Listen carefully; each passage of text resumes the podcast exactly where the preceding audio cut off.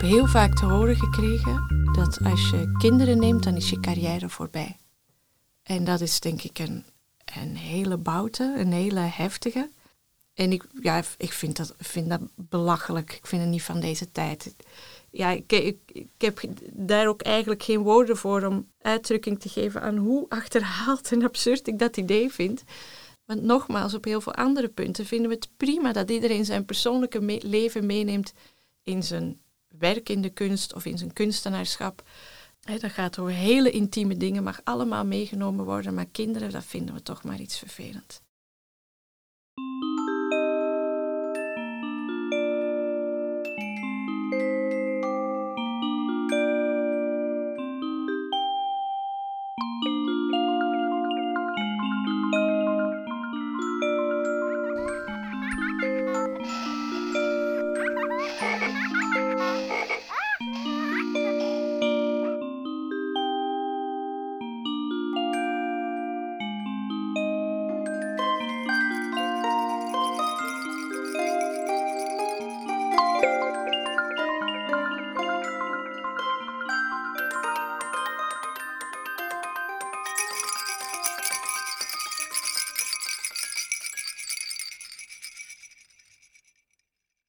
Vreemd, omdat kunst al zo lang bestaat en dat we nu nog steeds ja, dat moeten uh, verdedigen, uh, waar, wat belangrijk is.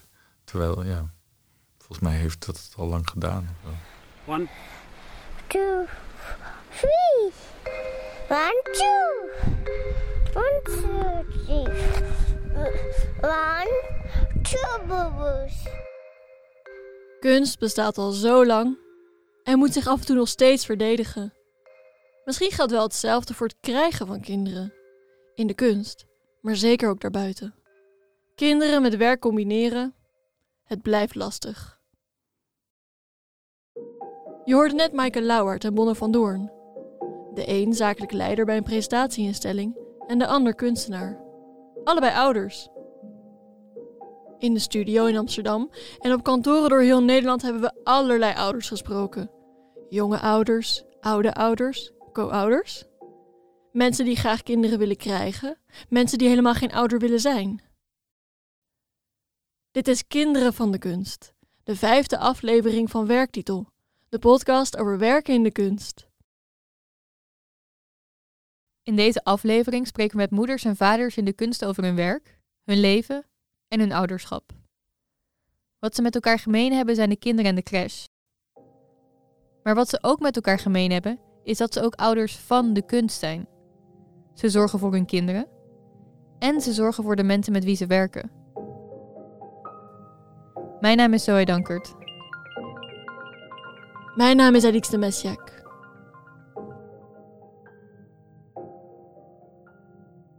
We zijn in Stedelijk Museum Breda, bij Marilyn Jonge Nelen en het prille begin van een mensenleven.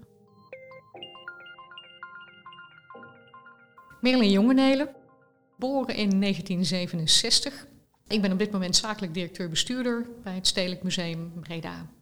En ben je ook geboren en getogen in Brabant? Ja, dat wel. Ik ben geboren in Roosendaal, dat is hier vlakbij. En daarna uh, kunstgeschiedenis gestudeerd in Leiden aan de universiteit. Met kunstmanagement als afstudeerrichting. Vanwege de hele slechte arbeidsmarkt toen, was 1991, heb ik daar in 92 nog een uh, post-HBO-opleiding eh, bedrijfskunde eh, erachteraan geplakt om gewoon mijn kansen te vergroten. En via vrijwilligerswerk en projectwerk heb ik zeg maar, mijn netwerk wel opgebouwd in de culturele sector. Lukte toen niet in de vorm van een betaalde baan. Ik ben uiteindelijk in het semi-publieke domein terechtgekomen van de Arbo-dienstverlening. Daar een jaar of 12, 13 veel en hard en goed gewerkt, veel ervaring opgedaan. En toen begon het natuurlijk toch weer te kriebelen ben ik me opnieuw gaan oriënteren. En uiteindelijk was dat precies het moment waarop de echte verzakelijking in de culturele sector zijn beslag begon te krijgen. En werd ik eigenlijk opgepikt door een, uh, een uh, werving- en selectiebureau die mij opbeelde en zeiden van joh, we hebben jou een keer een gesprek gehad. Wil je komen praten? En dat heb ik gedaan.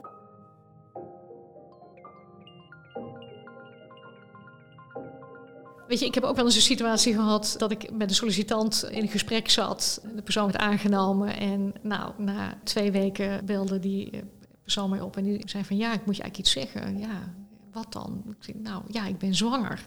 En dan kan je natuurlijk zeggen van, joh, wist je dat al toen je solliciteerde of niet? En ik weet nog goed, dat contract moest nog getekend worden, dus ik vond haar heel eerlijk.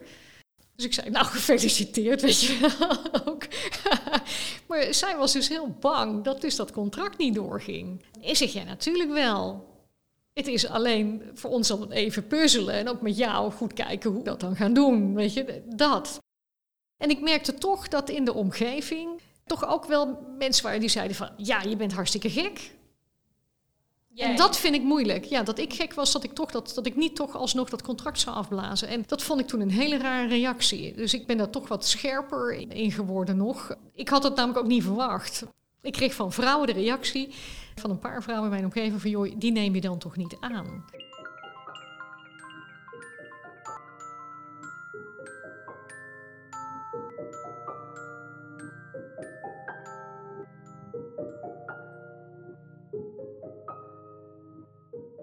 Je leest wel eens dat ook veel vrouwen zeggen: ik maak een bewuste keuze. Ik hoef gewoon niet in die red race mee. Ik, ik hoef geen 50, 60 uur per week te werken. Ik wil ook andere dingen kunnen doen. Dus een ander soort uh, zingeving, een ander soort balans. Daar is natuurlijk ook wat voor te zeggen. Als Nederland zo goed is uh, georganiseerd dat dat kan, waarom zou je daar niet voor willen kiezen?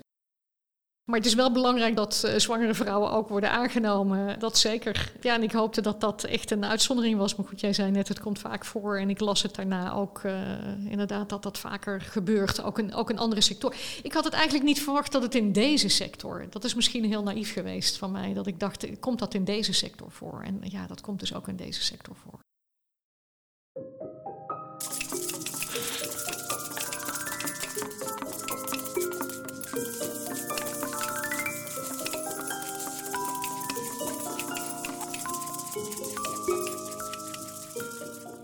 Heet Maaike Lauwaert. Ik ben uit 1978 en ik ben zakelijk leider bij de Appel.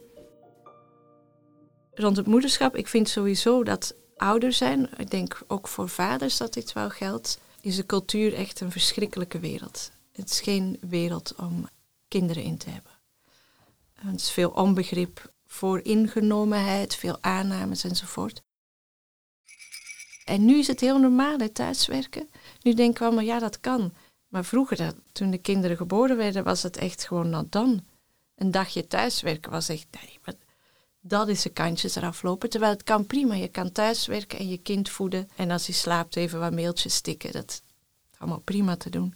Maar toen was het echt, uh, ja, je moest op kantoor verschijnen of op, uh, op je werkplek verschijnen. En toen was ik moeder geworden. En dat was voor mij echt volstrekt onverenigbaar, dat werk en het moederschap.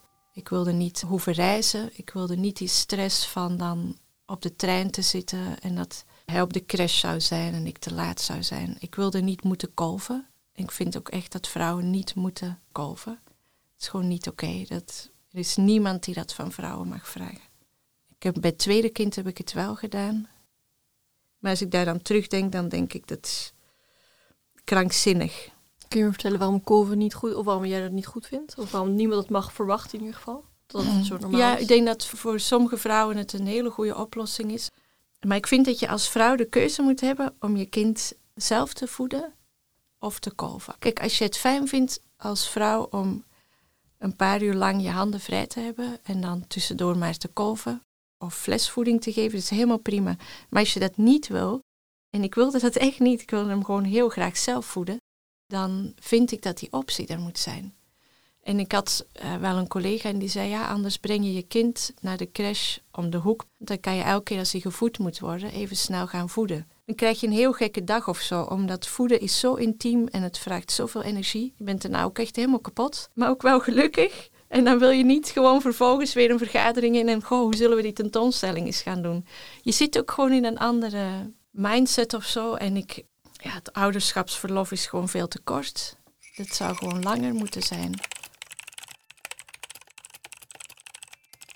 Wat is arbeid of zo? Er zijn gewoon zoveel gekke misconcepties over wat werken is. Ergens fysiek verschijnen.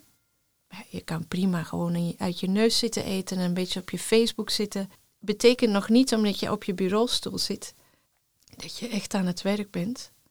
Op heel veel punten vraagt de kunstwereld, maar vraagt ook de hedendaagse werkethiek, dat wij ons persoonlijke leven uh, meenemen of opgeven tot op een zeker punt of uh, betrekken bij ons werkend leven. We vinden het heel normaal dat die grens tussen werk en privé, tussen publiek en privaat, dat het allemaal heel erg aan het verwateren is. Maar oh wee als het aankomt op het moederschap. Dan willen we die krijsende, poepende kinderen zo ver mogelijk uit beeld.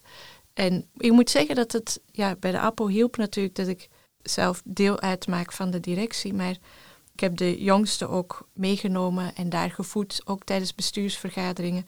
Keek niemand van op. Dat was gewoon allemaal helemaal prima. Daar is een verversplek voor uh, baby's bij de APO. En, uh, ja, en die lag daar lekker op een kleedje. En als hij moest huilen, ging iemand met de wagen lopen. Ik, ik zou hopen dat dat op een gegeven moment gewoon uh, normaler wordt. Want dan is het, ja, als iemand naar een, het ouderschap verlangt, of je nu man of vrouw bent, is het fijn om te zien dat dat combineerbaar is met het werk waar je van houdt. En als die twee onverenigbaar lijken in de praktijk, dan is het gewoon een enorme drempel. Waar ga je dan voor kiezen?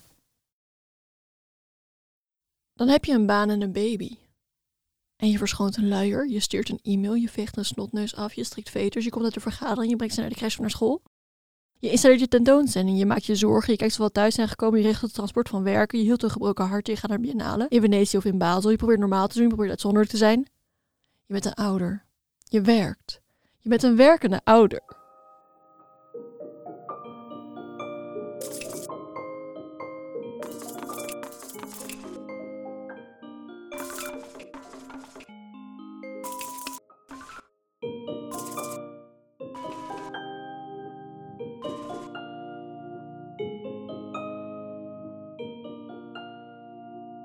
We reizen door naar Maastricht, waar we in maart de Jan van Eyck Academie bezochten. Het is een residentie voor kunstenaars en makers. Die komen er werken en wonen. Er komen vooral veel jonge mensen uit de hele wereld. Mensen die een praktijk willen ontwikkelen en vaak ook mensen die mobiel zijn. Rebecca Straatmans vertelde me over recente ontwikkelingen wat betreft ouders op de Jan van Eyck. Ik ben Rebecca Straatmans en ik um, geef leiding aan het Deelinstituut Kunst en Maatschappij van de Jan van Eyck Academie. Ik ben 40 en ik ben geboren en getogen in Aken.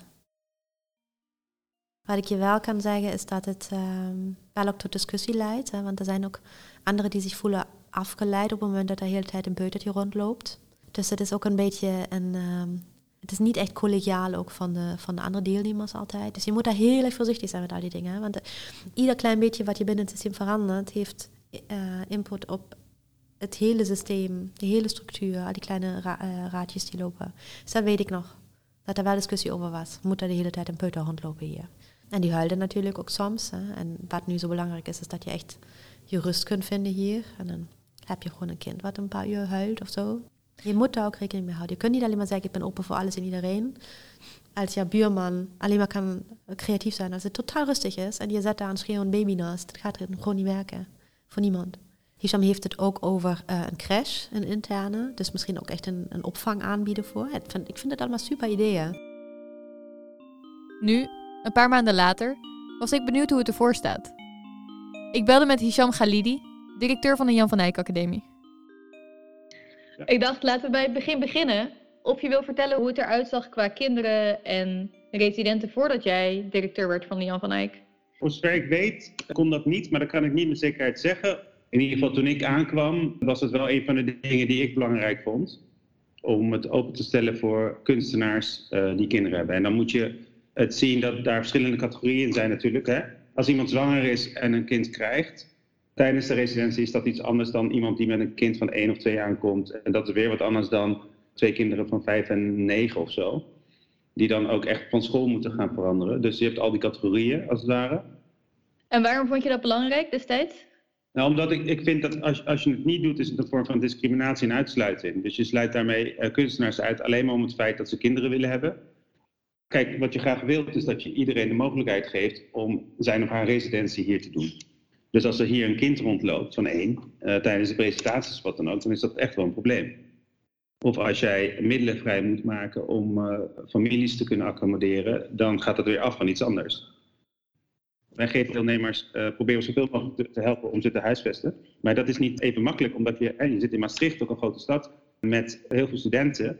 Dus sowieso bieden we aan deelnemers een appartement aan die ze dan moeten delen met elkaar. Hè? Dus drie mensen. Families moet je gaan nadenken van oké, ja, je kunt ze niet in een appartement zetten met andere deelnemers. Dus moet je ze een apart appartement geven. Maar een heel appartement kost 800 of 900 euro. Normaal gesproken delen we door drie en dan betalen ze 300 euro per persoon. Nou goed, wat we dan doen, wat we toen hebben gedaan, is de deelnemer extra stipendium gegeven en een appartement. En dat, heb ik, dat hebben wij allemaal uit bestaande gelden moeten halen. We hebben dat gewoon uit ons eigen systeem gehaald en creatief daarmee omgegaan om dat te doen. En dat was ook het moeilijke, want we hadden geen framework. Weet je? Het was gewoon echt heel erg frustrerend soms. Dus toen in het tweede jaar hebben we afgesproken uh, van, want het was, was dus niet alleen die deelnemer, het waren ook andere deelnemers die kinderen hadden. En daar moesten we ook in voorzien. Nou, dat kostte dus extra stipendium, dat kostte uh, extra appartementen, dus extra geld. Uh, en dat was ook niet zodanig gecommuniceerd. Dus in die zin was het ook beslist door ons, de management. En er was geen framework waar mensen rekening mee kunnen houden. Het, het, jaar daarop um, hadden we afgesproken, ja, maar we kunnen maximaal maar twee families aan, want budgetair lukt het gewoon niet. En ook dit jaar stond het niet in de call dat wij open stonden voor families, omdat ik kon het gewoon niet waarmaken. We konden het niet waarmaken. Nou, nu hebben we eindelijk een framework, want nu hebben we gewoon besloten voor volgend jaar, voor de volgende call.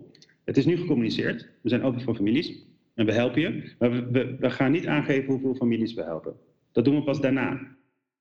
Dus we hebben nu zeg maar een schot tussen het selectieproces, wanneer we selecteren en wanneer we de mensen aangeven dat ze uh, geselecteerd zijn, hebben we een soort tussenperiode ingebouwd, waarbij we eerst gaan kijken op basis van het budget, wie kunnen we aannemen. Dus als we een familie aannemen, we betalen anderhalf stipendium en we geven ze een apart appartement, dan gaat het af van een positie. Je zei net dat je zelf ook een werkende vader in de kunst bent. Ik heb er nooit probleem mee ervaring met een curator. Kijk, ik krijg gewoon betaald. Snap je? Dus ik kan gewoon een nanny uh, voorzien of ik kan... Uh, kijk, mijn vrouw is antropoloog.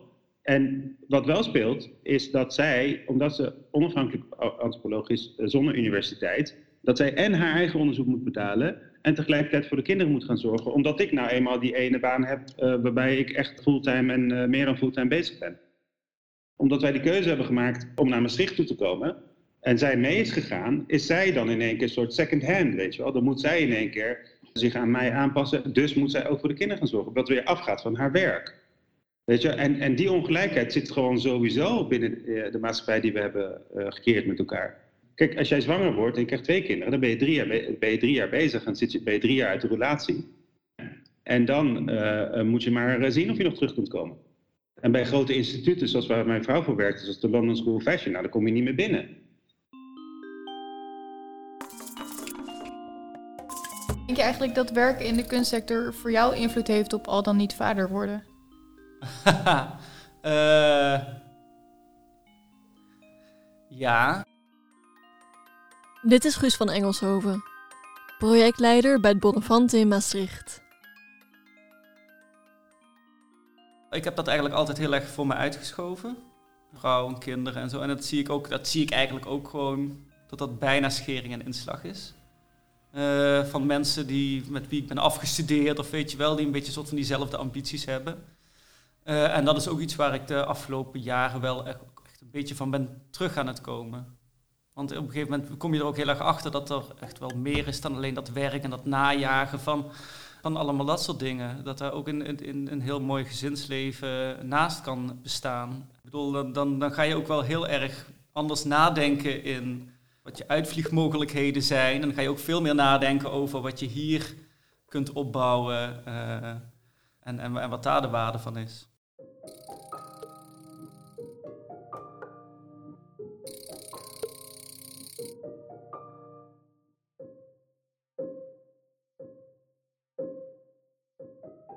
Dat zie je in de, in de literatuur over de creatieve industrie. En als je het hebt over ongelijkheden, dan zie je veel, dat zijn vaak uh, studies naar deelsectoren. En dan zie je met name rondom het moment dat vrouwen kinderen krijgen, dat ze besluiten de creatieve industrie te verlaten. En dat heeft ook veel te maken met lange werkdagen, onregelmatige werktijden, werken op tijden die gewoon niet te combineren zijn met het ouderschap. En er is ook veel uitstel en afstel.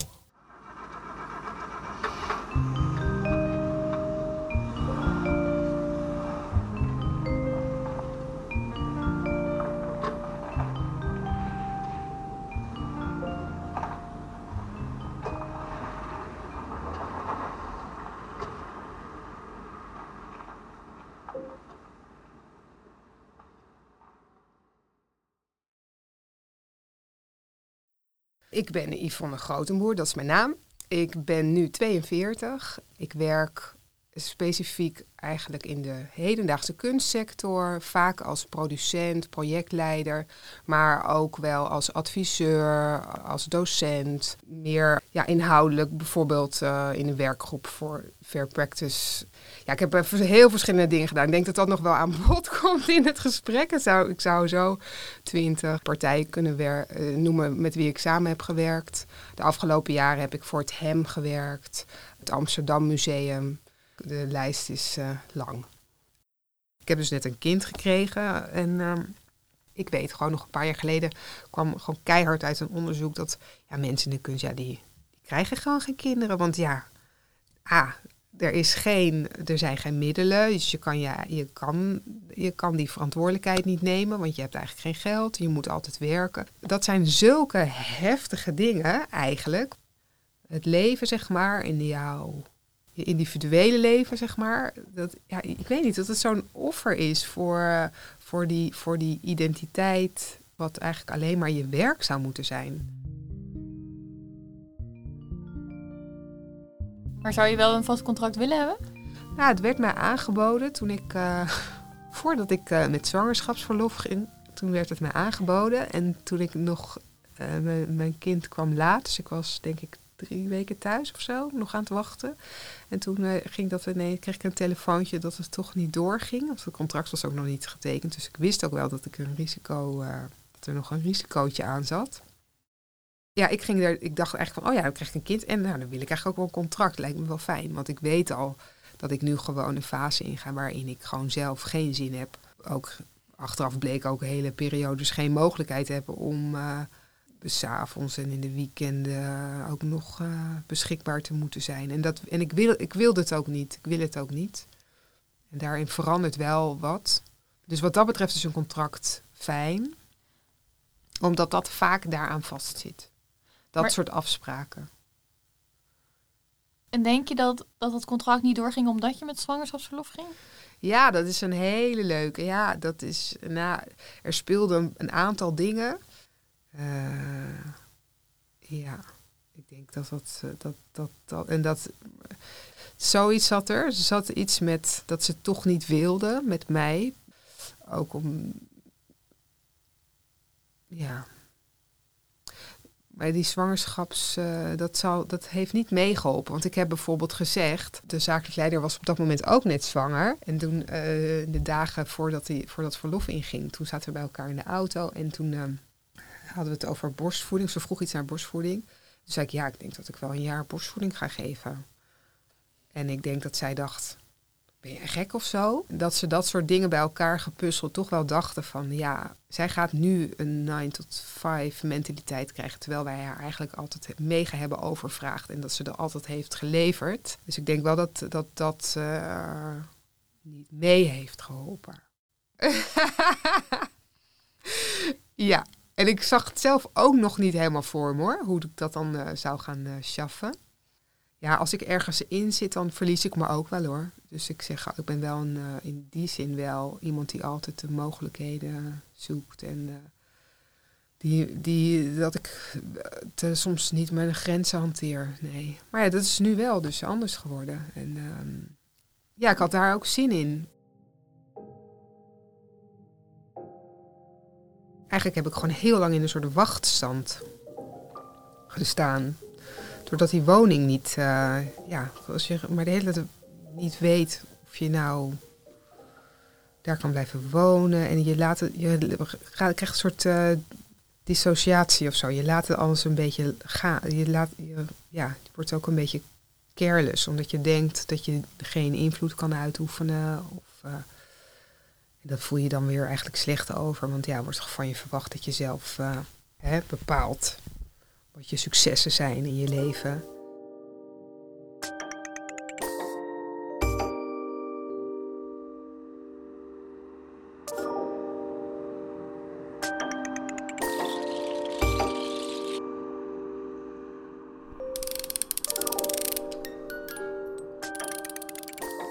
Ik heet Hester Alberding Tijm. Ik ben 61 jaar en ik ben al ruim 26 jaar met een kleine aanloop er naartoe directeur van de Axel Nobel Art Foundation. Hoe gaat dat? Hoe is dat om te navigeren? Nee, dat is best heel ingewikkeld. Het is een soort gearrangeerd huwelijk.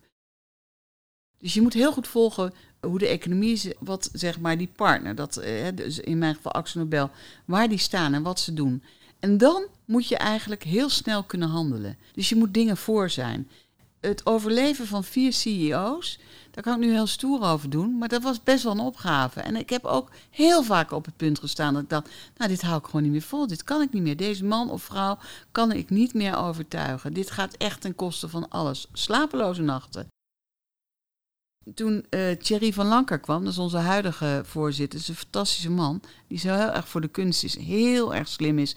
De buurman was vroeger van uh, de familie Hoed, van Jan Hoed, dus veel in het smak kwam en zo. Dan gaat iedereen die heeft dan een kans om wat te veranderen. Dus dan moet je heel snel zijn. Dus wat wij toen hebben gedaan is onmiddellijk zijn kamer veranderd waar hij in kwam. Meteen Belgische kunstenaars opgehangen. Met een brief op zijn bureau erbij. We heten je van harte welkom. Wij nodigen je hierbij van harte uit. Dus je moet ook wel echt soms lef hebben. En daarmee kan je ook soms echt wel op je bek gaan. Je vertelde over dan jij in je mantelpakje en dan al die mannen in donkerblauwe pakken en zo. Is dat niet soms lastig geweest? Ook die politiek van heel weinig vrouwen of veel minder vrouwen in ieder geval. En hoe jij dan daartussen moet bewegen. Het was ontzettend lastig.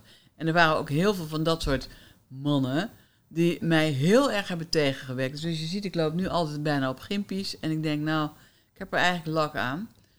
Het beste is om het gewoon weer af te laten glijden en te denken, nou heerlijk, trek een flesje wijn open en ga je heel hard om lachen met heel veel mensen. En ik heb mijn ding weer gedaan.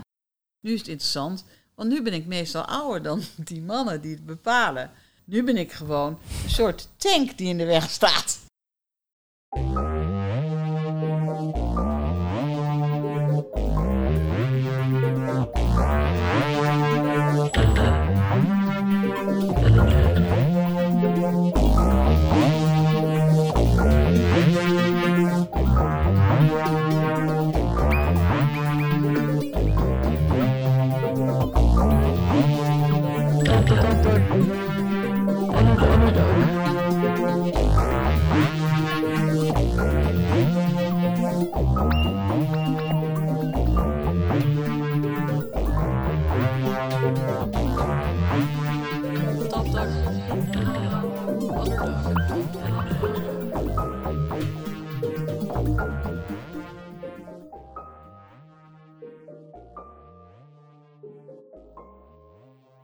Ik ben toch, en dat is misschien ook in mijn generatie en ook vanuit mijn achtergrond, ik vind eigenlijk kunst is eigenlijk mijn leven. Ik ga 24-7 door. Ik denk niet eens aan, oké, het is nu vijf uur of wat dan ook. Ik ga met heel veel plezier s'avonds nog naar openingen. Of ik eh, lees van alles, of ik schrijf nog een stuk of wat dan ook. Of ik ga bij kunstenaars op bezoek. En ik zie het ook helemaal niet als, als werk om bij kunstenaars op bezoek te gaan. Dat gaat, loopt allemaal met elkaar over. Maar de meeste mensen, denk ik nu, hebben veel meer een work-life balance. Ik weet ook niet heel goed hoe ik dat zou. Sowieso kan ik het zelf, ik mezelf niet veranderen. Want het is soms ook wel een beetje te veel.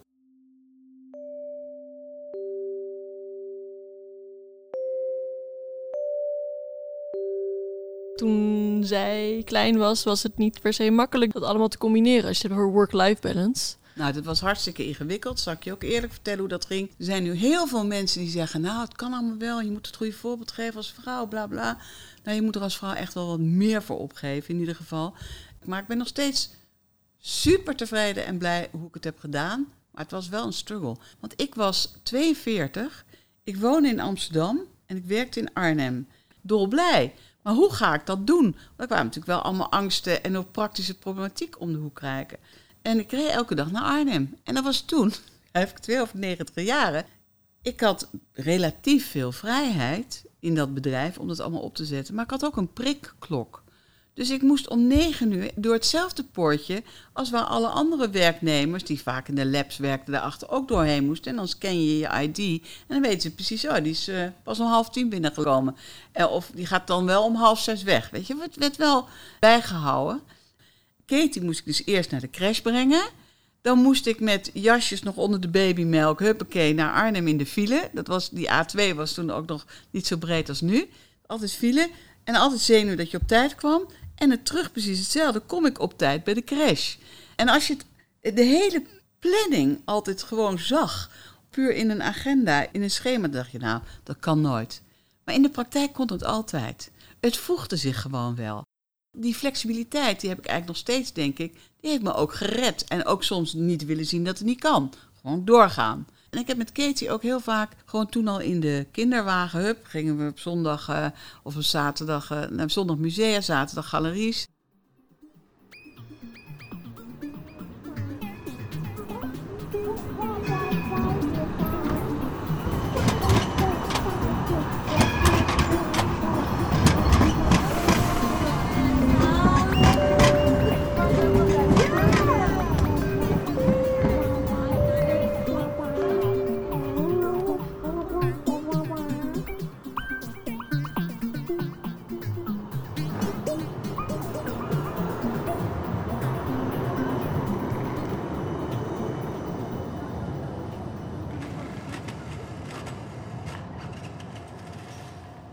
Mijn primaire zorg en mijn primaire opdracht in mijn leven is toch natuurlijk mijn kind.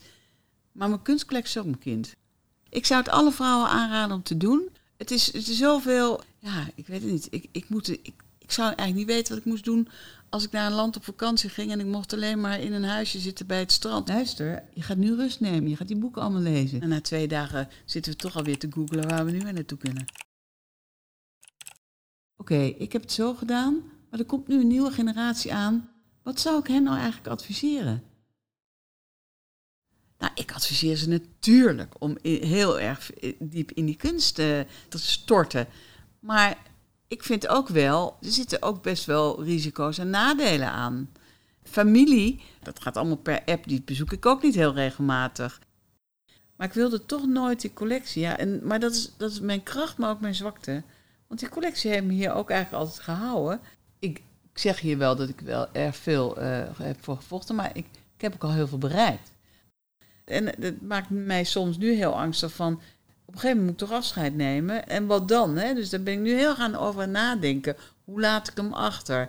Wat zou nou het profiel moeten zijn van iemand in de nieuwe tijd die dat moet gaan doen? En hoe kan je die een goede start geven met dat hij heel, heel veel eigen inbreng zal hebben, maar ook meer bescherming dan dat ik eigenlijk had? Ja, het is echt mijn levensvraag nu.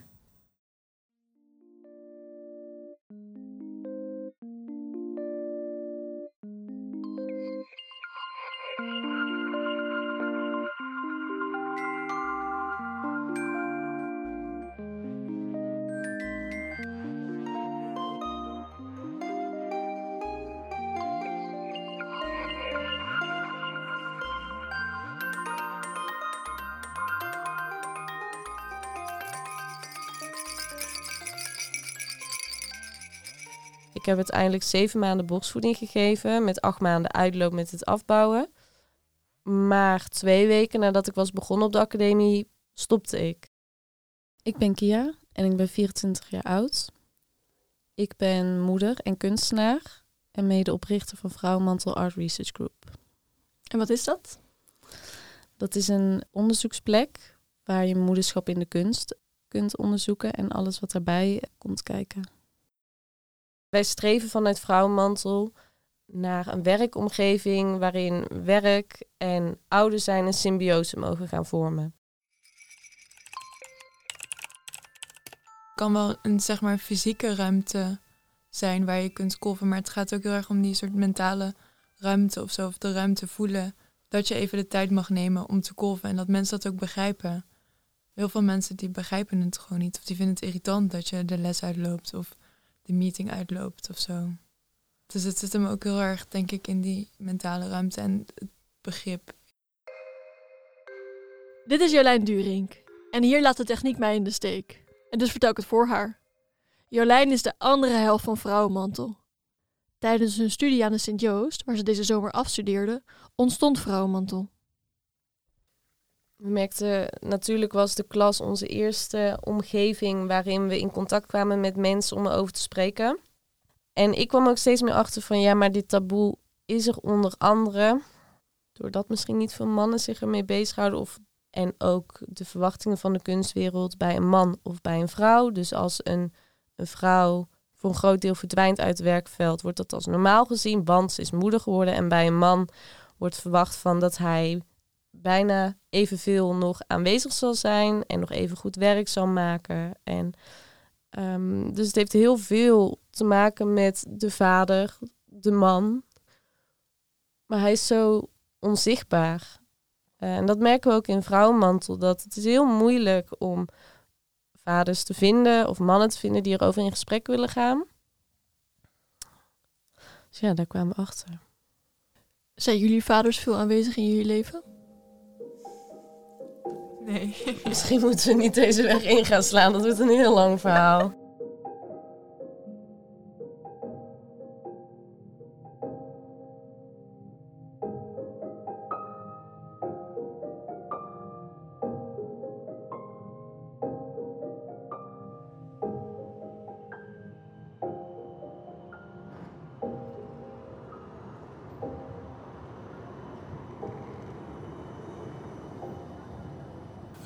Naam is Hans Den Hartog-Jager. Ik uh, ben 53.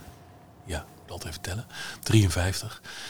En ja, wat doe ik? Ik noem mezelf meestal uh, schrijver en kunstcriticus. Maar tegenwoordig moet ik daar toch ook wel curator bij zeggen. Al vind ik dat nog steeds een beetje gek. Ik vind het moeilijk, ook wel eerlijk, want ik vind het niet goed. Maar aan de andere kant vind ik het ook wel belangrijk dat de mensen die erin werken er ook echt wat voor over hebben. Ja, het is een geprivilegeerde positie als je in de kunst wat kunt doen. Waarom? Omdat het zulk ontzettend leuk werk is. Uh, maar je moet er wel fatsoenlijk voor betaald worden. Dat is punt twee, snap je? Dus het is niet, mensen moeten het gewoon voor kunnen leven en geen gezeur. In die zin is het ook weer net een baan als al het andere werk. Vanaf zo'n boerderij is het heel moeilijk om het perspectief te hebben. Hoe kun je, wat is die kunstwereld? Hoe, de literatuurwereld, wat betekent dat? Hoe kom je daar ooit in terecht? Dus daar voelde ik vrij veel afstand. Ik vond het wel spannend, maar ik durfde niet zo goed. Ik was vrij verlegen. Um, dus toen ben ik economie gaan studeren uit de gedachte, vertelde ik vanochtend toch tegen mijn vriendin, ik ben economie studeren vanuit de gedachte, dan kan ik geld verdienen. En in mijn vrije tijd kan ik dan doen wat me echt fascineert, namelijk literatuur. Ik heb drie maanden economie gestudeerd, gillend weggerend, het verschrikkelijk. En toen heb ik toch de knoop doorgehakt, ik was 18, toen dacht ik, ik ga Nederlands studeren. Want uh, dan kan ik iets met literatuur gaan doen. Ik wist ook al dat ik geen les wilde geven, dus het was eigenlijk een hele onzekere stap omdat ik eigenlijk helemaal niet wist wat ik ermee wilde.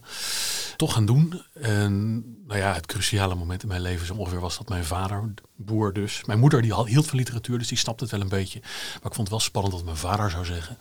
En die zei, uh, die keek me aan, die was wel een beetje, die dacht, mm. maar die zei, nou jongen, ik zou het maar doen, want als je het heel graag wil, word je er vanzelf goed in. Dat is, eh, daar krijg ik nog steeds, word ik nog steeds licht door geroerd. Um, en dat is niet hij, hij was een intelligente man. Die heel goed begreep dat als hij dat zou zeggen, hij me daarmee dus ook zou stimuleren om ook echt mijn best te gaan doen. En dat is ook gebeurd. Ik heb altijd, ik heb altijd heel erg hard gewerkt in, in die hoek.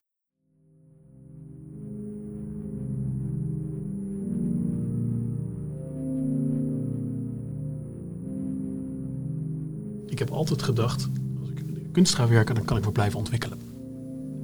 En dat klopt eigenlijk ook wel. dus ik ben er nog steeds in het werk heel blij, heel gelukkig. En ik vraag me wel sterk af of dat in andere sectoren niet relatief moeilijker is. Dat dat ook een van de redenen is waarom je er geld voor krijgt. Omdat je, bij, om het even gechargeerd te zeggen, uh, veel sneller op je vijftigste heel erg ongelukkig bent. En dan heb je wel een hoop geld, maar dan heb je weer een kutleven. Uh, en als je kunst een beetje redt, dan kun je veel reizen, je kunt interessante mensen spreken, je hebt veel vrijheid dat is wel fijn.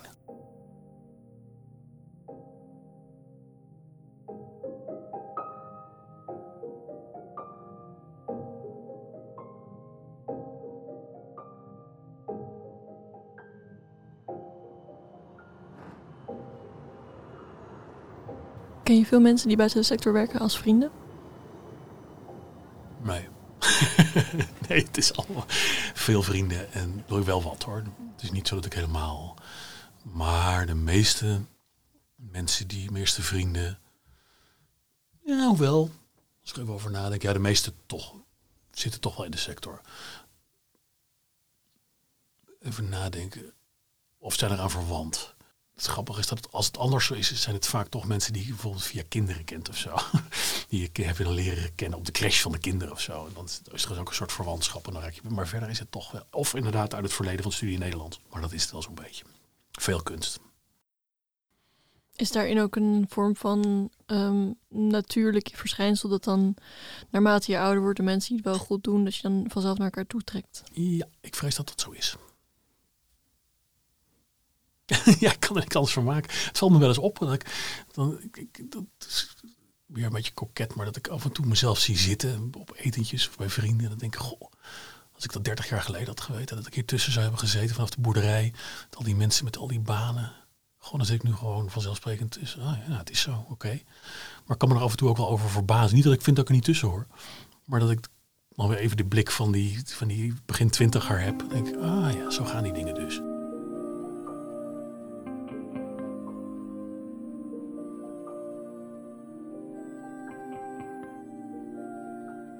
S'avonds en s'nachts werken vind ik vreselijk, dan ben ik moe. Dus ik werk heel flauw, gewoon van negen. Ik schrijf van negen tot ehm, nou, half één, één uur. En daarna ga ik ehm, afspraken en mails doen. En in het weekend hou je weekend. Nee, ik werk zeven dagen per week. Mijn partner werkt ook zeven dagen per week. Dus daar ontmoet, ontmoet je elkaar ook goed. Nee, we werken, ze werken allebei thuis. Ik bedoel, Dus ik bedoel meer van ontmoet je elkaar qua eh, werkhouding. ja, nou ja, we zeven dagen per week is overdreven. Nou, eigenlijk niet. We, we werken elke dag. Soms wat kortere dagen. Als er iets privés is, dan, dan neem ik wel eens een zaterdagmiddag vrij. Maar echt een dag gewoon vrij nemen. Twee dagen per maand. Drie misschien. Maar dat voelt ook echt, oh, ik heb een dag vrijgenomen, wauw. En is het onontbeerlijk voor de manier waarop jij wil werken om zeven dagen in de week te werken? Of bijna zeven? Ja, zes en half zeg maar.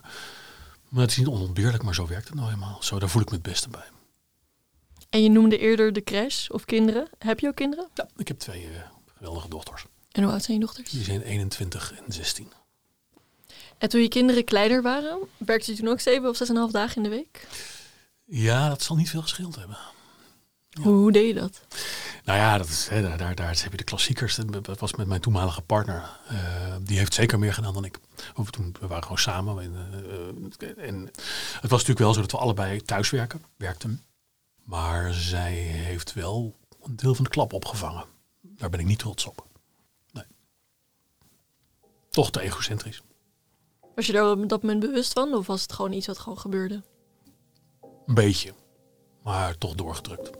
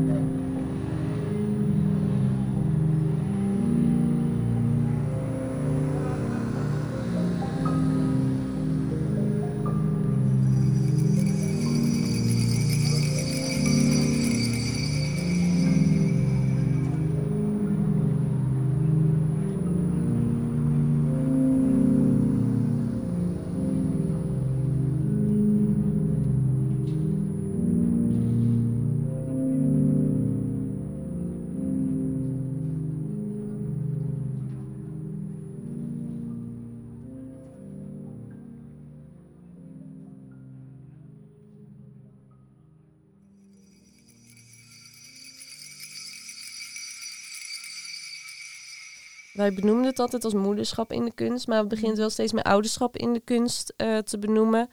Omdat we ook hopen dat er een verandering in komt en dat we over ouderschap kunnen gaan spreken. Maar ik hoop wel dat er binnenkort een man of vader eh, aan het woord komt. Omdat ik wel steeds meer begin in te zien hoe, hoe belangrijk dat is in het taboe rondom eh, ouderschap in de kunst. En het zit hem denk ik ook in wetgeving of zo. Ook in zijnde als moeder, ehm, het zwangerschapsverlof is gewoon veel langer. Als je, je vader gewoon weer aan het werk is en gewoon verder gaat eh, met zijn leven. En dan bouw je ook geen band op of zo.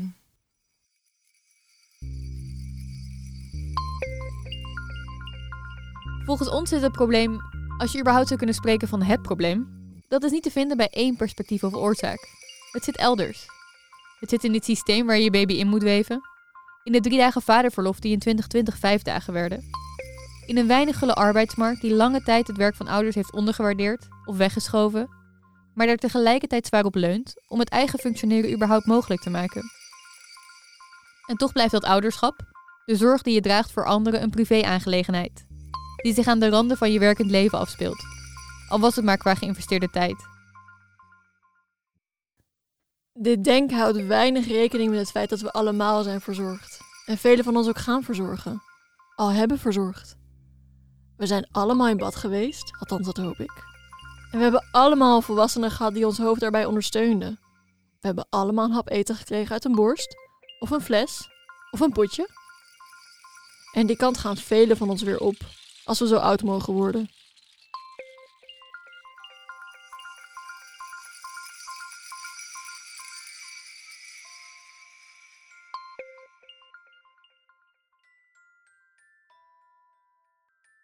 Wat ik wel zie is dat ik werk met heel veel eh, jongere mensen om me heen. En die hebben dat gewoon veel minder op hun netvlies. Dit is Martin Kuipers. In de vorige aflevering hoorde je hem verzuchten dat hij zo graag wil vertragen. Actualiteit, actualiteit, actualiteit, actualiteit. Ook hij is vader. En eh, ik neem ze dat ook helemaal niet kwalijk. Maar soms voel ik me, of ik heb de afgelopen jaar me echt heel vaak bezwaard gevoeld om überhaupt te zeggen van oeh, het is best wel lastig op dit moment. Of lastig om bijvoorbeeld aan te schuiven een meeting op het moment dat jullie willen meeten. En eh, er was overigens wel heel veel, eh, dus vanuit de organisatie ook wel aandacht voor. Van hey, lukt het? En ook zeker vanuit mijn leidinggevende en zo. Maar ja, je probeert dat toch altijd weg te cijferen, omdat je niet wil overkomen als die ouder die inderdaad er in- inderdaad niet meer toe doet. Maar dat je niet wil overkomen als die, eh, die sukkel, eh, die, eh, ja, dat is toch een soort van... Die geen ambities meer zou hebben. ja, die gaat dan voor zijn kinderen zorgen en dan gaat hij daarover zeuren dat hij, dat hij het druk heeft en zo. En dat zit er ook wel een beetje achter, denk ik.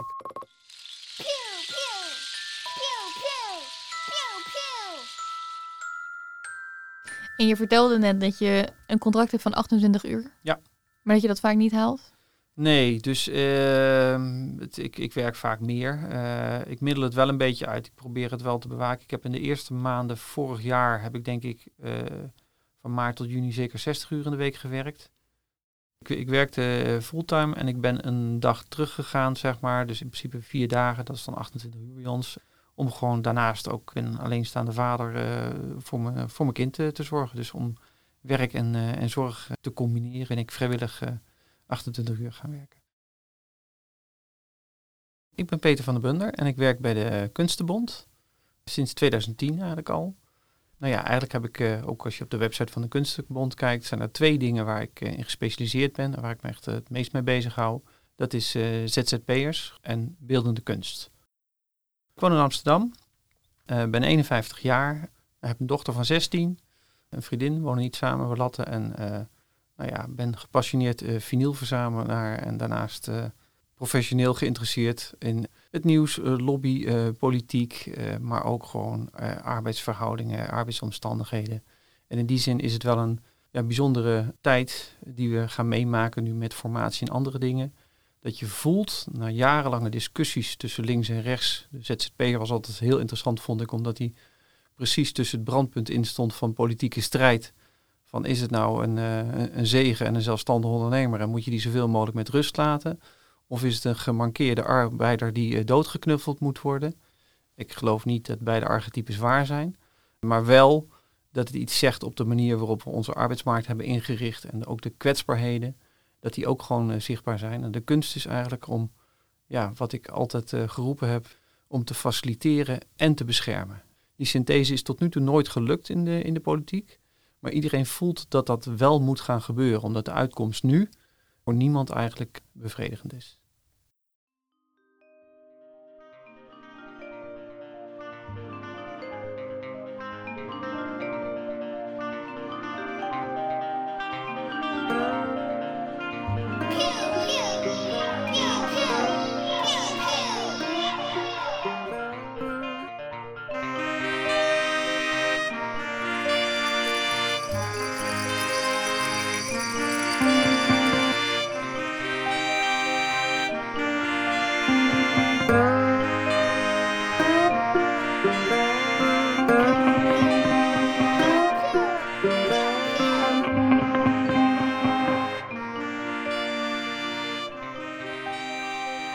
Het juiste moment is gewoon nu. Het juiste moment is nu om als samenleving zorg te dragen voor elkaar. Wij zijn de kinderen van onze ouders, van onze cultuur en van ons systeem. Inmiddels zijn wij ook kinderen van deze kunstsector. Met het verstrijken van de jaren worden we vanzelf ouders en dus ook poortwachters van het functioneren van deze sector. Dat is niet alleen maar verantwoordelijkheid die jij hebt. Het is gewoon erkennen dat je ook kwetsbaar bent.